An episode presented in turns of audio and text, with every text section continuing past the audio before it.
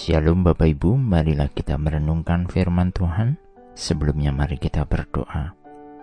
Tuhan, kami hendak merenungkan firman-Mu. Pimpinlah kami senantiasa.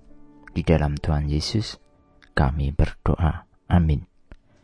Bacaan saat ini diambil dari Yeremia 9 ayat 23 sampai 24. Yeremia 9 ayat 23 hingga 24. Beginilah firman Tuhan. Janganlah orang bijaksana bermegah karena kebijaksanaannya Janganlah orang kuat bermegah karena kekuatannya. Janganlah orang kaya bermegah karena kekayaannya. Tetapi siapa yang mau bermegah, baiklah bermegah karena yang berikut. Bahwa ia memahami dan mengenal aku, bahwa akulah Tuhan yang menunjukkan kasih setia, keadilan, dan kebenaran di bumi.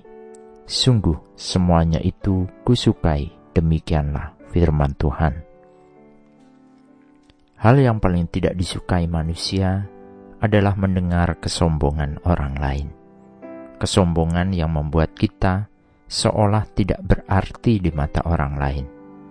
Orang yang menyombongkan diri menganggap orang lain tidak ada apa-apanya, sehingga ketika kita menghadapi orang-orang yang demikian, biasanya kita menjadi tidak suka dan tidak nyaman.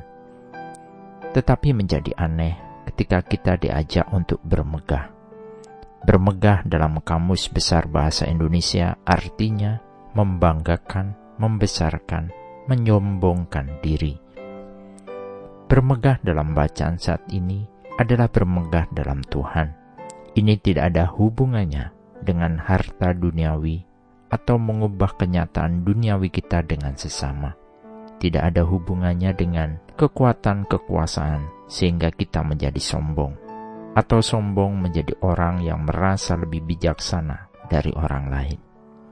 Konteks bacaan saat ini adalah tentang Tuhan yang dipermuliakan dalam segala kelemahan kita. Kita memiliki kebanggaan ketika hidup diselamatkan Tuhan, hidup yang dipilih Tuhan seperti dalam 1 Korintus 1 ayat 27 hingga 29. Tetapi apa yang bodoh bagi dunia, dipilih Allah untuk memalukan orang-orang yang berhikmat. Dan apa yang lemah bagi dunia, dipilih Allah untuk memalukan apa yang kuat. Dan apa yang tidak terpandang dan yang hina bagi dunia, dipilih Allah bahkan apa yang tidak berarti dipilih Allah untuk meniadakan apa yang berarti, supaya jangan ada seorang manusia pun yang memegahkan diri di hadapan Allah. Kita yang bodoh, hina, berdosa, tak berarti, menjadi pribadi yang dipandang Tuhan. Bukankah dengan hal ini kita patut bermegah di dalam Tuhan? kita menjadi pribadi yang berharga di mata Tuhan. Standar dan nilai Allah itu berbeda dengan yang diterima oleh dunia. Allah meruntuhkan standar dan hikmat yang dunia ukurkan. Kita tidak boleh membanggakan pengetahuan duniawi kita, kemampuan manusiawi kita, atau kekayaan duniawi kita. Sebaliknya, kita hanya boleh bermegah dan bersuka cita karena hubungan pribadi kita dengan Tuhan yang memungkinkan kita menjalani hidup yang benar.